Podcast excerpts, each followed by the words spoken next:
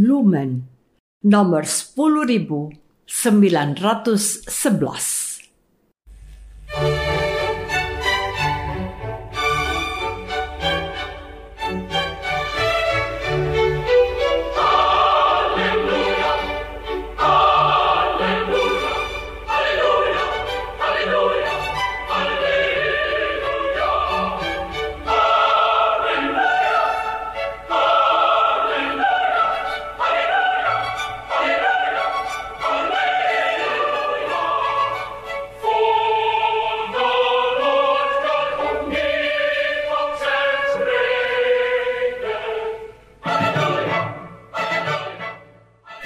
Saudara pendengar di segenap penjuru tanah air, selamat bergabung dengan Lumen Indonesia.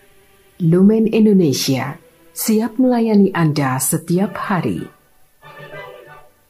Saudara terkasih, marilah kita bersatu dalam Tuhan kita Yesus Kristus yang tidak berubah dahulu, sekarang, dan selama-lamanya. Allah Sang Maha Rahim mengasihi dan menerima sebagaimana adanya kita Allah Bapa kita di surga senantiasa bersedia menolong, menghibur, dan meneguhkan kita dalam menghadapi segala permasalahan hidup sehari-hari.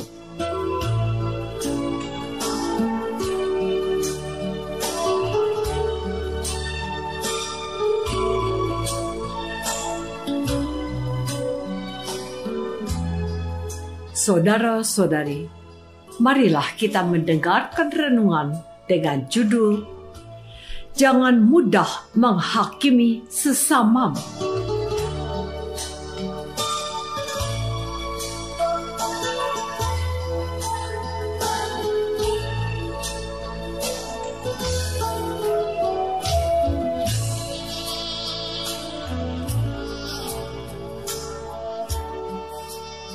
yang berdasarkan pada Injil Matius bab 7 ayat 1 dan 2.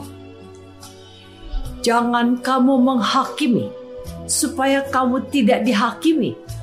Karena dengan penghakiman yang kamu pakai untuk menghakimi, kamu akan dihakimi dan ukuran yang kamu pakai untuk mengukur akan diukurkan kepadamu.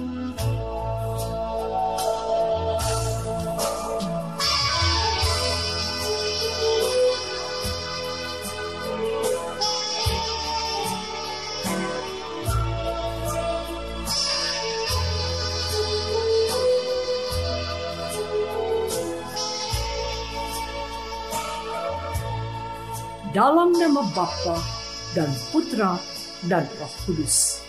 Amin.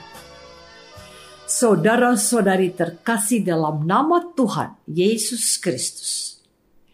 Sebagai makhluk sosial, kita berkumpul dan berkomunikasi dengan banyak orang. Kita berinteraksi dan saling berbagi informasi seorang terhadap yang lain dalam lingkup pergaulan yang terbatas dalam lingkup kecil atau dalam interaksi yang luas, bahkan melampaui batas-batas fisik, seperti melalui media internet. Kita juga bisa menampilkan diri kita atau pandangan kita atau pendapat kita. Suka atau tidak suka, kita masuk dalam lingkup pergaulan dan interaksi yang entah saling meneguhkan, entah saling mendukung, atau sebaliknya mengeliminasi atau menjatuhkan satu sama lain. Tentu kita pernah dengar apa itu gosip. Sebagian peneliti mendefinisikan gosip sebagai pembicaraan tentang seseorang yang tidak hadir dan berbagi informasi yang tidak banyak diketahui. Kamus Besar Bahasa Indonesia menyamakan gosip dengan kabar angin, kabar yang belum jelas kebenarannya, atau diartikan sebagai desas-desus. Dalam gosip biasanya orang membicarakan atau menyebarkan hal-hal negatif, sesuatu yang tidak baik tentang seseorang yang tidak disukainya. Orang ini mendapatkan kesenangannya sendiri setelah bergosip pria. Mereka dengan mudah menuduh dan menghakimi orang lain. Saudara-saudari terkasih, yang terjadi terkadang bukan hanya sebuah gosip, melainkan ada orang yang secara terbuka dan tanpa rasa bersalah menunjukkan atau menyebarkan keburukan sesamanya. Dengan ringan saja mereka menunjukkan kesalahan orang lain dan menunjukkan rasa permusuhan terhadap seseorang. Namun, sering kali yang tak sempat melintas dalam otak orang-orang ini adalah sebuah pertanyaan yang harus dialamatkan kepada dirinya sendiri. Ini, memangnya saya sudah lebih benar dari orang yang kuhakimi itu? Fakta ini yang diwartakan oleh gereja pada hari ini. Jangan kamu menghakimi supaya kamu tidak dihakimi. Dalam Injil hari ini, Tuhan Yesus menegur orang banyak dan murid-muridnya. Mengapakah engkau melihat selumbar di mata saudaramu?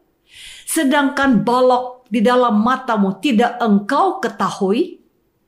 bagaimanakah engkau dapat berkata kepada saudaramu, "Biarlah aku mengeluarkan selumbar itu dari matamu," padahal ada balok di dalam matamu.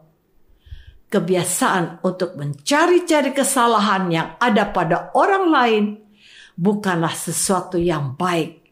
Lebih baik ini kita diajak untuk introspeksi diri Apakah aku sudah lebih baik dari mereka? Saudara-saudari terkasih, nasihat Tuhan Yesus ini dikatakan olehnya sebagai pendidikan kepada orang-orang yang mencari Dia dan mengikuti Dia. Tuhan Yesus menghendaki orang-orang istimewa ini memiliki karakter seorang pengikutnya yang murah hati dan tidak mudah menghakimi sesamanya karakter tidak gampang menghakimi itu harus dihidupi oleh mereka yang datang dan percaya kepada Tuhan Yesus. Karakter mencari-cari kesalahan ini adalah karakter orang-orang Farisi dan ahli-ahli Taurat yang mengamat-amati tindak tanduk dan sikap serta ucapan Yesus untuk dapat menjeratnya. Penginjil Markus menulis demikian. Kemudian Yesus masuk lagi ke rumah ibadat. Di situ ada seorang yang mati sebelah tangannya. Mereka mengamat-amati Yesus kalau-kalau ia menyembuhkan orang itu pada hari Sabat, supaya mereka dapat mempersalahkan dia. Markus bab 3 ayat 1 dan 2. Di tempat lain dicatat oleh penginjil Yohanes bagaimana orang-orang Farisi dan ahli-ahli Taurat ingin menjebak Yesus. Mereka minta keadilan dari Yesus tentang wanita yang tertangkap berbuat zina. Yesus mereka masukkan dalam pilihan sulit. Kalau ia membela wanita itu, maka ia dianggap tidak taat pada hukum Taurat. Tetapi kalau ia membolehkan merajam wanita ini, ia akan disebut guru yang kejam. Dan inilah akhirnya jawaban Yesus yang sama dengan pesan Injil hari ini. Barang siapa di antara kamu tidak berdosa, hendaklah ia yang pertama melemparkan batu kepada perempuan itu. Yohanes bab 8 ayat 7b. Bukan hanya itu, tetapi Tuhan Yesus menyatakan sikap dan kerahiman hati Allah. Firman-Nya kepada wanita itu, Aku pun tidak menghukum engkau. Pergilah dan jangan berbuat dosa lagi mulai dari sekarang. Yohanes bab 8 ayat 11.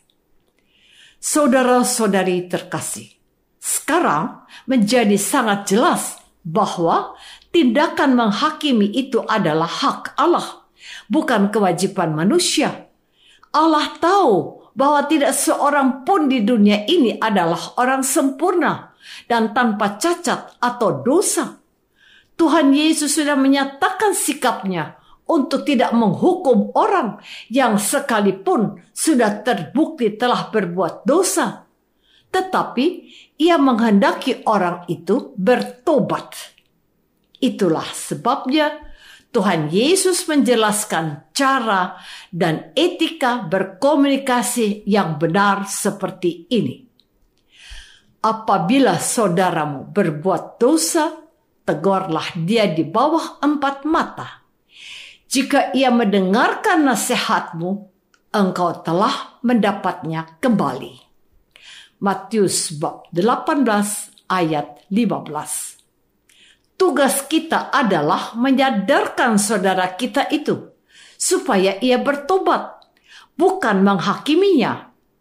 Harus diakui, menilai seseorang jahat, jelek, atau busuk menjadi kecenderungan yang ada dalam diri kita.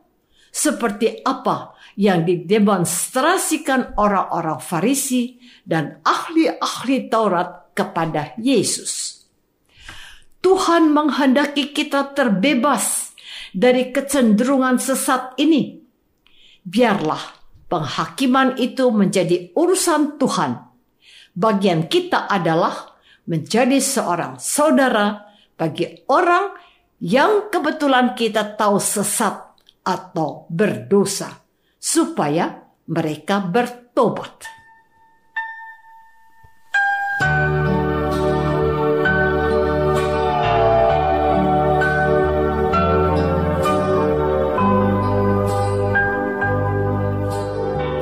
Saudara terkasih, marilah kita masuk dalam saat hening sejenak untuk meresapkan renungan yang baru saja kita dengar bersama dalam kehidupan iman kita masing-masing.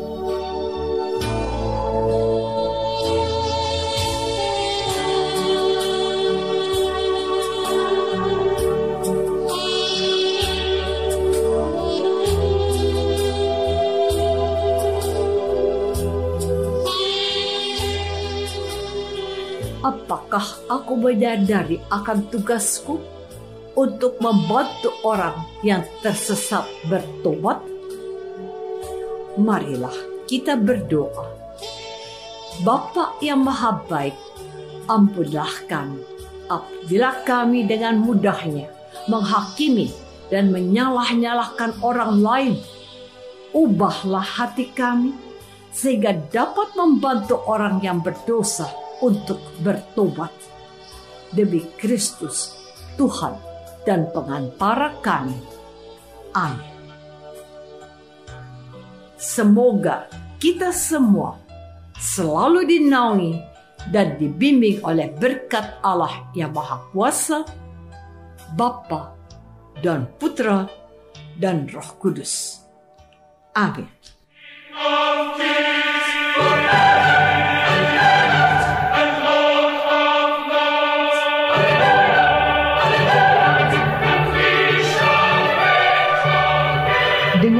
Kasih dan sukacita, Lumen Indonesia mengundang saudara-saudara seiman di segenap penjuru tanah air. Sekiranya ada tanggapan ataupun saran, kirimkan surat Anda ke Lumen Indonesia. Terima kasih atas perhatian Anda. Sampai berjumpa lagi dengan Lumen Indonesia pada waktu dan gelombang yang sama esok hari.